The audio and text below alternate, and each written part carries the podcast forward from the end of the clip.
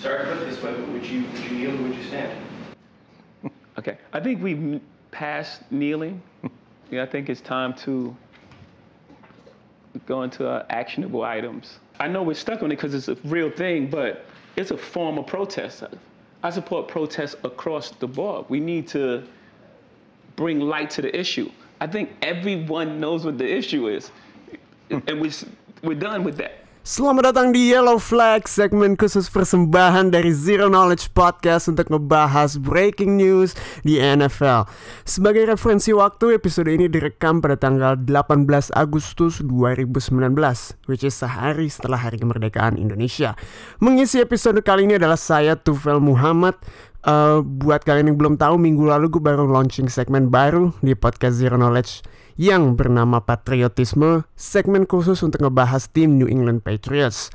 Episode pertama sudah keluar, um, episode 2 coming soon, you guys should check that out.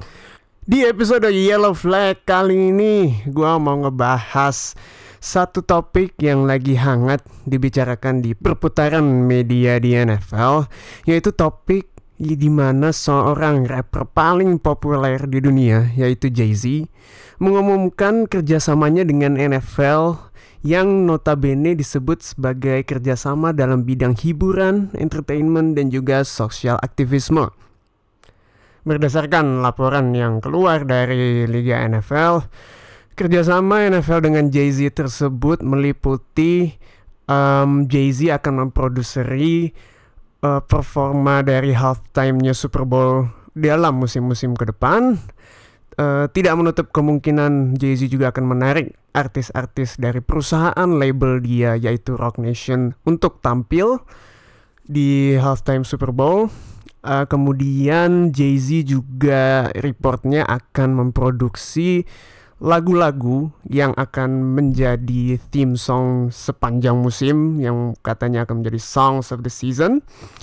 Um, kalau kita melihat um, deal ini dari kulitnya dulu, um, kita mungkin melihat ini sebagai uh, Jay Z being Jay Z gitu. Dia kan memang sekarang uh, walaupun dulunya dia seorang rapper, sekarang dia di fase karir dia uh, saat ini dia lebih seorang businessman atau seorang mogul. Di dunia olahraga, bisnis dia itu meliputi sebuah agensi yang mewakili pemain-pemain dari liga-liga terkenal di Amerika. Kalau kalian ngikutin NBA, Kevin Durant dan juga Kyrie Irving itu adalah beberapa klien paling terkenalnya yang dimiliki oleh Rock Nation agency sports agency gitu yang diketuai oleh Jay-Z tentunya. Um, kalau kita ngelihat deal ini mungkin kita langsung berpikir oh oke okay, ini adalah sebuah partnership di mana NFL ingin mem istilahnya bekerja sama dengan Jay-Z dalam karena mengetahui dalam segi hiburan Jay-Z itu punya nama yang sangat populer dan dia adalah seorang rapper yang terkenal dan pokoknya dalam segi musik dan um, popularitas Jay-Z adalah nama yang besar tapi masalahnya di deal ini muncul intrik um, yang tidak bisa luput dari masalah terbesar NFL dari segi sosial yaitu masalah dari Colin Kaepernick. Bagi kalian yang nggak tahu Colin Kaepernick Colin ini adalah mantan quarterback yang pernah main di NFL. Terakhir dia main itu kalau nggak salah 3 tahun lalu di San Francisco 49ers. Um, Colin Kaepernick ini terkenal dengan protesnya yang um, kalau kalian tahu pasti kalian sering dengar beritanya adalah di mana dia itu sering uh, di saat sebelum pertandingan NFL ini zaman dia pas masih di NFL ya masih main Uh, sebelum pertandingan kan biasanya ada national anthem dinyanyikan lagu kebangsaan Amerika Star Spangled Banner. Di situlah um, platform yang digunakan oleh Colin Kaepernick untuk melakukan protes, yaitu dengan berlutut dengan satu lutut, satu kaki, satu lutut, ya, pokoknya berlutut di saat lagu kebangsaan tersebut dinyanyikan. Lagu kebangsaan ini di kebang di apa di mata warga Amerika inilah uh, kebanyakan dianggap sebagai suatu hal yang sakral. Um, kebanyakan warga Amerika yang konservatif uh, yang mengusung tinggi patriotisme um, kesal melihat aksi protes yang istilahnya menghina dari lagu kebangsaan Star Spangled Banner tersebut. Makanya timbul timbul banyak backlash dari fans NFL, timbul juga banyak support yang justru mendukung Colin Kaepernick. Nah, perlu ya, yang kita perlu tahu tujuan dari Colin Kaepernick ini melakukan protes adalah untuk meningkatkan awareness awareness para penonton, para fans, para pemain terhadap isu-isu sosial yang sedang marak di Amerika Serikat pada saat dia memulai protes tersebut. Pada saat dia mulai protes tersebut, isu yang sedang marak adalah brutalisme dari um, beberapa police officer di Amerika Serikat. Um, kalau kalian suka mengikuti news yang keluar dari negara Amerika, mungkin kalian sering dengar juga berita-berita police brutality yang dilakukan kepada komunitas Afrika Amerika, di mana komunitas Afrika Amerika sering dirugikan dalam aksi-aksi yang melibatkan anggota kepolisian, di mana sering terjadi penembakan, bahkan sampai berujung ke kematian. Isu tersebutlah yang ingin diangkat oleh Colin Kaepernick ke media massa Amerika Serikat untuk uh, dengan harapan ada aksi yang dilakukan oleh public officials di Amerika untuk menangani masalah-masalah yang masih sering muncul terhadap uh, brutalisme terhadap komunitas Afrika Amerika tersebut. Aksi protes dari Colin Kaepernick tersebut uh, mengakibatkan uh, meningkatnya uh, istilahnya apa ya animosity animosity terhadap NFL karena banyak fans yang tidak suka kemudian banyak juga media sirkus yang dihasilkan dari aksi Colin Kaepernick tersebut yang menjadikan sebuah distraksi pada tim San Francisco 49ers memutuskan distraksi tersebut mungkin terlalu besar, mereka memutuskan untuk memutus kontrak Colin Kaepernick, menjadikan Colin Kaepernick sebagai free agent ya atau tidak memiliki tim sampai sekarang. Nah, diputusnya kontrak Colin Kaepernick dari San Francisco 49ers ini memunculkan banyak pertanyaan. Um, terutama banyak yang bertanya apakah justru tim tim-tim di NFL ini sengaja menendang Colin Kaepernick keluar dari liga karena um, Colin Kaepernick ini mengancam uh, popularitas atau bukan popularitas sih, tapi mengancam uh, turunnya nilai dari revenue yang dihasilkan oleh NFL. Karena kebetulan pada saat marak-maraknya protesnya si Colin Kaepernick ini berjalan juga elections tahun 2016 kalau nggak salah 2016 2017 di mana Donald Trump uh, maju selaku uh, wakil dari partai Republikan yang eventually akan menjadi presiden Amerika Serikat.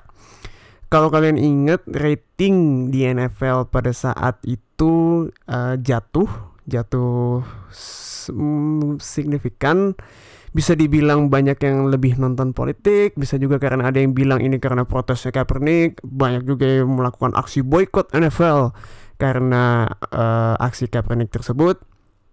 Tapi intinya muncul sebuah pertanyaan, apakah Kaepernick ini ditendang karena owner-owner yang berada di Liga NFL ini, apakah justru mereka mensupport Trump?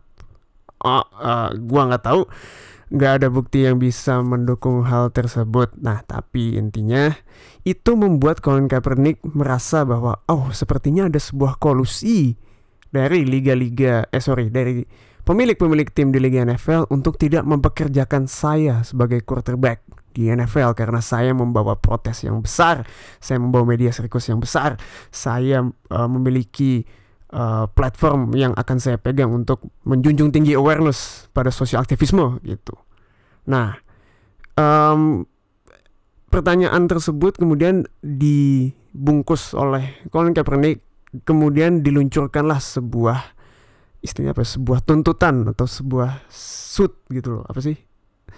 Intinya Colin Kaepernick menuntut Liga NFL dan uh, da, menuntut dalam arti uh, Colin Kaepernick ini merasa bahwa NFL sudah melakukan kolusi dan itu pun dibawa ke pengadilan. Nah, dibawa ke pengadilan. Uh, singkat cerita pengadilan berlan berlangsung akhirnya NFL tuh melakukan settlement uh, dalam arti NFL bersedia untuk membayar Colin Kaepernick sejumlah berapa puluh juta dolar berapa mungkin 30 juta dolar untuk menghentikan tuntutan tersebut. Apakah itu sebuah pengakuan kesalahan dari liga NFL, dari tim-tim NFL uh, it remains to be seen, tidak bisa ditentukan, tidak bisa dibuktikan secara hukum.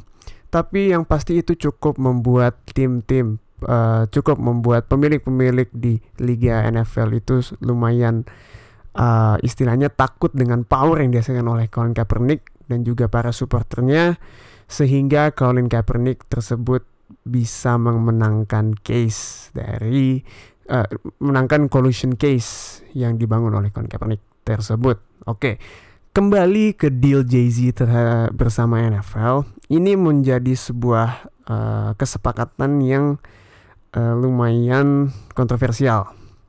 Karena begini, uh, tahun lalu begitu menjelang Super Bowl, uh, sebenarnya isu-isu Colin Kaepernick ini masih ada tahun lalu tuh. Walaupun isunya dimulai tiga tahun lalu, tapi tiap tahun ini selalu menjadi recurring theme gitu loh, recurring media news yang uh, selama Colin Kaepernick masih free agent uh, sering dibawa-bawa lah, either di ESPN, di Fox atau di banyak media uh, Amerika lainnya. Nah menjelang Super Bowl tahun lalu itu kan yang main si Maroon 5 halftime show-nya kan. Nah uh, sebenarnya mereka si NFL sudah mulai mencari artis-artis lain yang akan mendukung uh, NFL dalam aksi bukan dalam aksi sih dalam melakukan halftime show di Super Bowl tersebut. Nah, tetapi uh, ada satu orang yang dari pihak uh, artis yaitu Jay-Z sendiri yang bilang uh, kepada banyak artis kalau boy lo jangan main di NFL NFL itu udah ngancurin karirnya Colin Kaepernick. NFL udah nendang dia karena uh, justru karena protes dia untuk terhadap komunitas Afrika Amerika, tapi dia malah ditendang di liga dan gak dikasih kerjaan selama tiga tahun.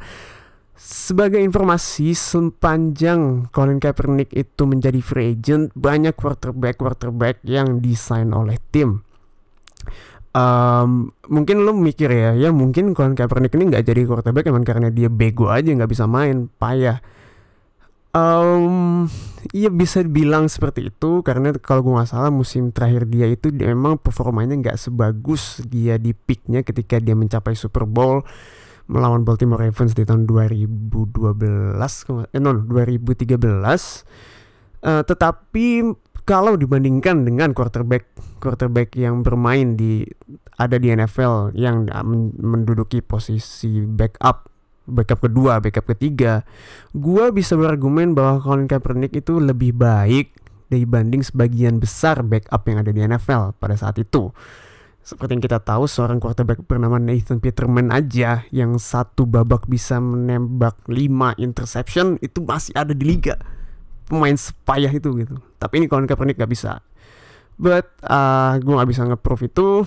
Uh, again kembali ke Jay Z um, sampai mana gue tadi? Ah um, Iya pokoknya pas Super Bowl itu Jay Z bilang coy lu jangan main banyak, bilang ke banyak artis ke Rihanna ke Cardi B coy lu jangan main ke NFL NFL itu uh, gak gak mensupport Colin Kaepernick gitulah. Even bilang ke Travis Scott juga well, yang eventually ternyata main juga di uh, Super Bowl. Tapi hanya sebagai supporting aja tetap main headliner adalah Maroon 5 um, even si Jay-Z itu um, ngeluarin album eh bukan ngeluarin album ngeluarin lagu yang berjudul Ape Shit di liriknya dia bilang gini um, gua nggak butuh NFL NFL yang butuh gua. Dibilang di, di liriknya seperti itu.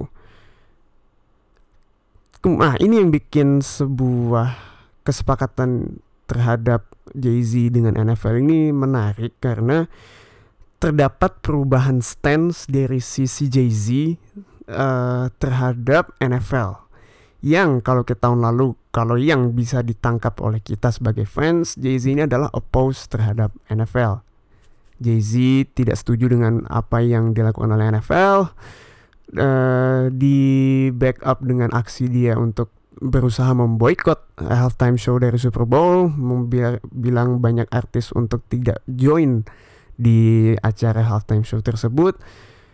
Tapi malah sekarang dia mengumumkan kerjasama dengan NFL, organisasi yang dia bukan dia benci sih, tapi yang dia lawankan lah istilahnya di tahun lalu. Tapi lo sekarang malah bikin kerjasama.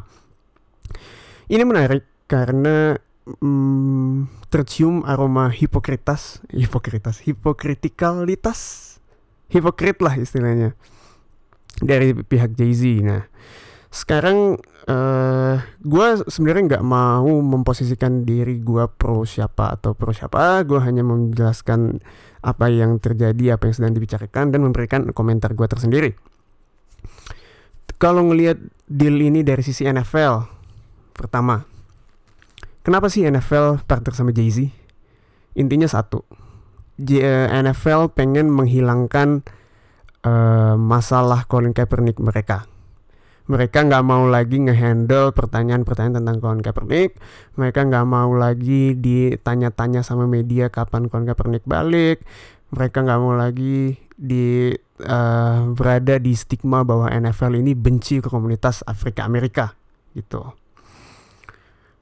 Nah, itulah mengapa NFL bekerjasama dengan Jay-Z ini sebuah pencapaian yang monumental menurut gue bagi NFL karena dengan menggait Jay-Z NFL ini istilahnya menggait satu suara yang sangat prominent sangat populer dalam komunitas Afrika Amerika.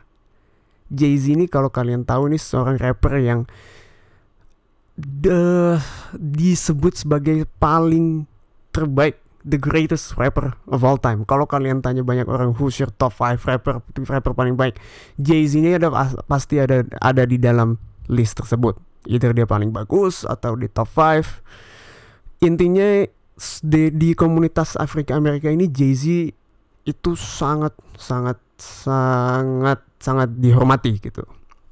Makanya dengan menggait Jay-Z, NFL ini seperti memiliki apa ya istilahnya? Uh, security blanket seperti selimut yang menutupi mereka dari isu-isu Colin Kaepernick gitu. Makanya menurut gua ini sebuah kemenangan yang bisa diambil oleh NFL.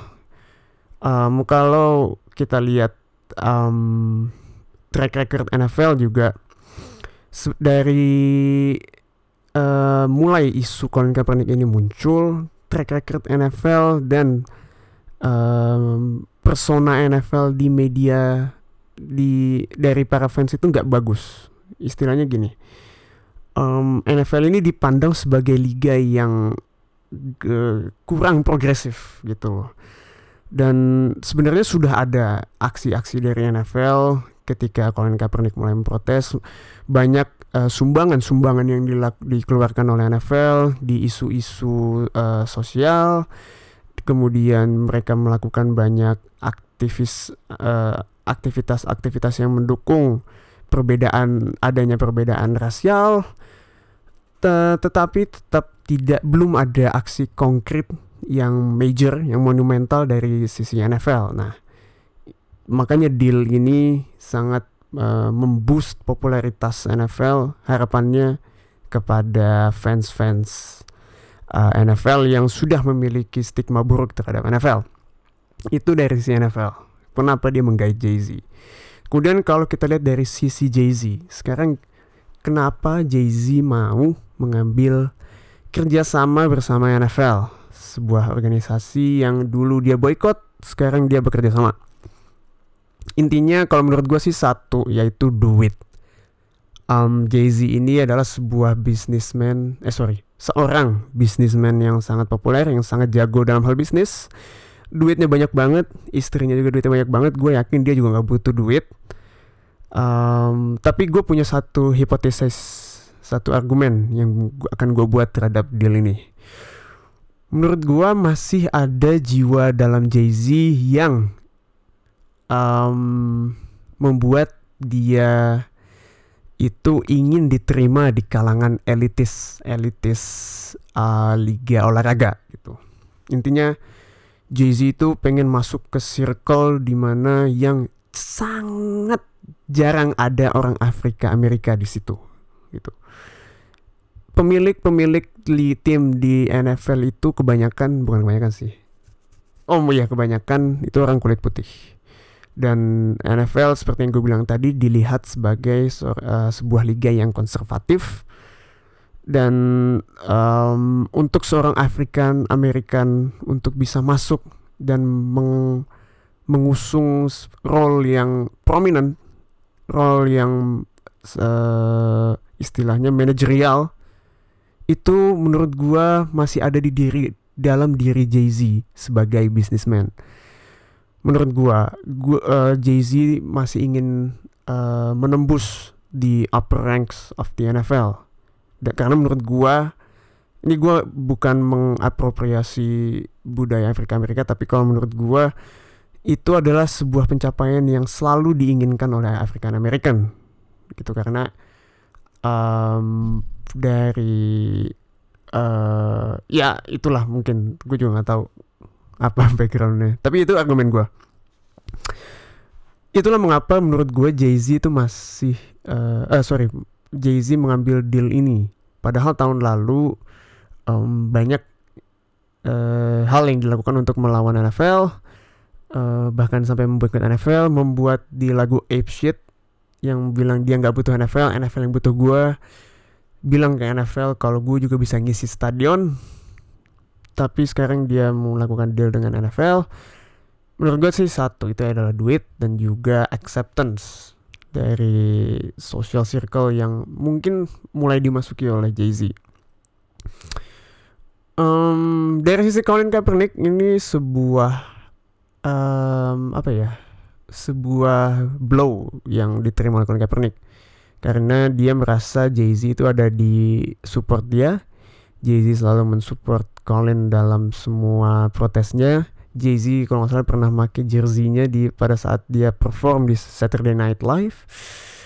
Dan um, banyak hal-hal yang dilakukan oleh Jay-Z tapi dengan dealnya dengan NFL ini membuat Colin Kaepernick ini mempertanyakan kembali apakah sebenarnya Jay-Z ini mensupport dia atau tidak.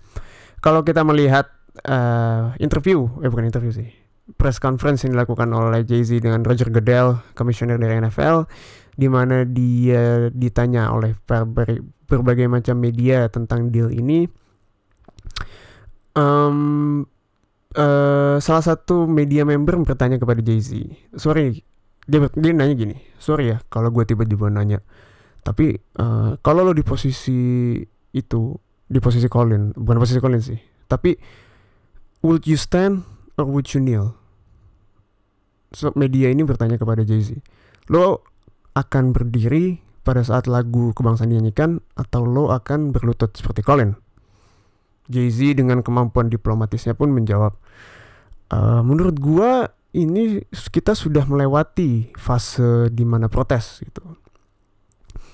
Jay-Z berargumen bahwa dalam sebuah protes adalah ada dua fase. Fase pertama adalah fase di mana lo keluar dan lo melakukan protes tersebut, lo menyuarakan aspirasi lo, Kemudian fase kedua adalah uh, di mana yang diprotes itu merespon atas protes lo dan membicarakan oke okay, apa yang bisa gue perbuat untuk mencapai untuk memenuhi keinginan aspirasi lo. Jay-Z berargumen kita sudah ada di fase kedua tersebut. Kita sudah melewati fase kneeling, fase protes itu sudah kita lewatin. Sekarang waktunya untuk melakukan aksi, aksi yang bisa benar-benar konkret yang benar-benar bisa dilakukan untuk memperbaiki uh, apa yang salah dalam sistem justice di Amerika. Itu yang diargumenkan oleh Jay-Z. Nah, apakah kalian percaya uh, argumen tersebut? Itu tergantung kalian masing-masing. Um, kita juga perlu tahu background Jay-Z ini adalah businessman. Dia tahu mana yang good deal, mana yang bukan tapi gue nggak mau mencampur adukan uh, opini dengan uh, istilahnya gue uh, hanya tidak memposisikan diri. Itu tapi argumen gue kembali ke sisi Kaepernick lagi. Uh, kebetulan pacarnya Kaepernick itu juga lumayan vokal ketika dia mendengar eh, berita bahwa Jay-Z bekerja sama dengan NFL. Dia bilang eh, bisa dibilang di, eh, disimpulkan kalau si pacar itu bilang kalau berani-beraninya NFL itu ngomong-ngomong tentang social justice, keadilan, equality, tapi Colin Kaepernick masih nganggur. itu yang dia bilang pacarnya. Kemudian seorang penulis dari The Atlantic, Jemele Hill, yang dulu pernah bekerja di ESPN juga menulis artikel yang sangat bagus.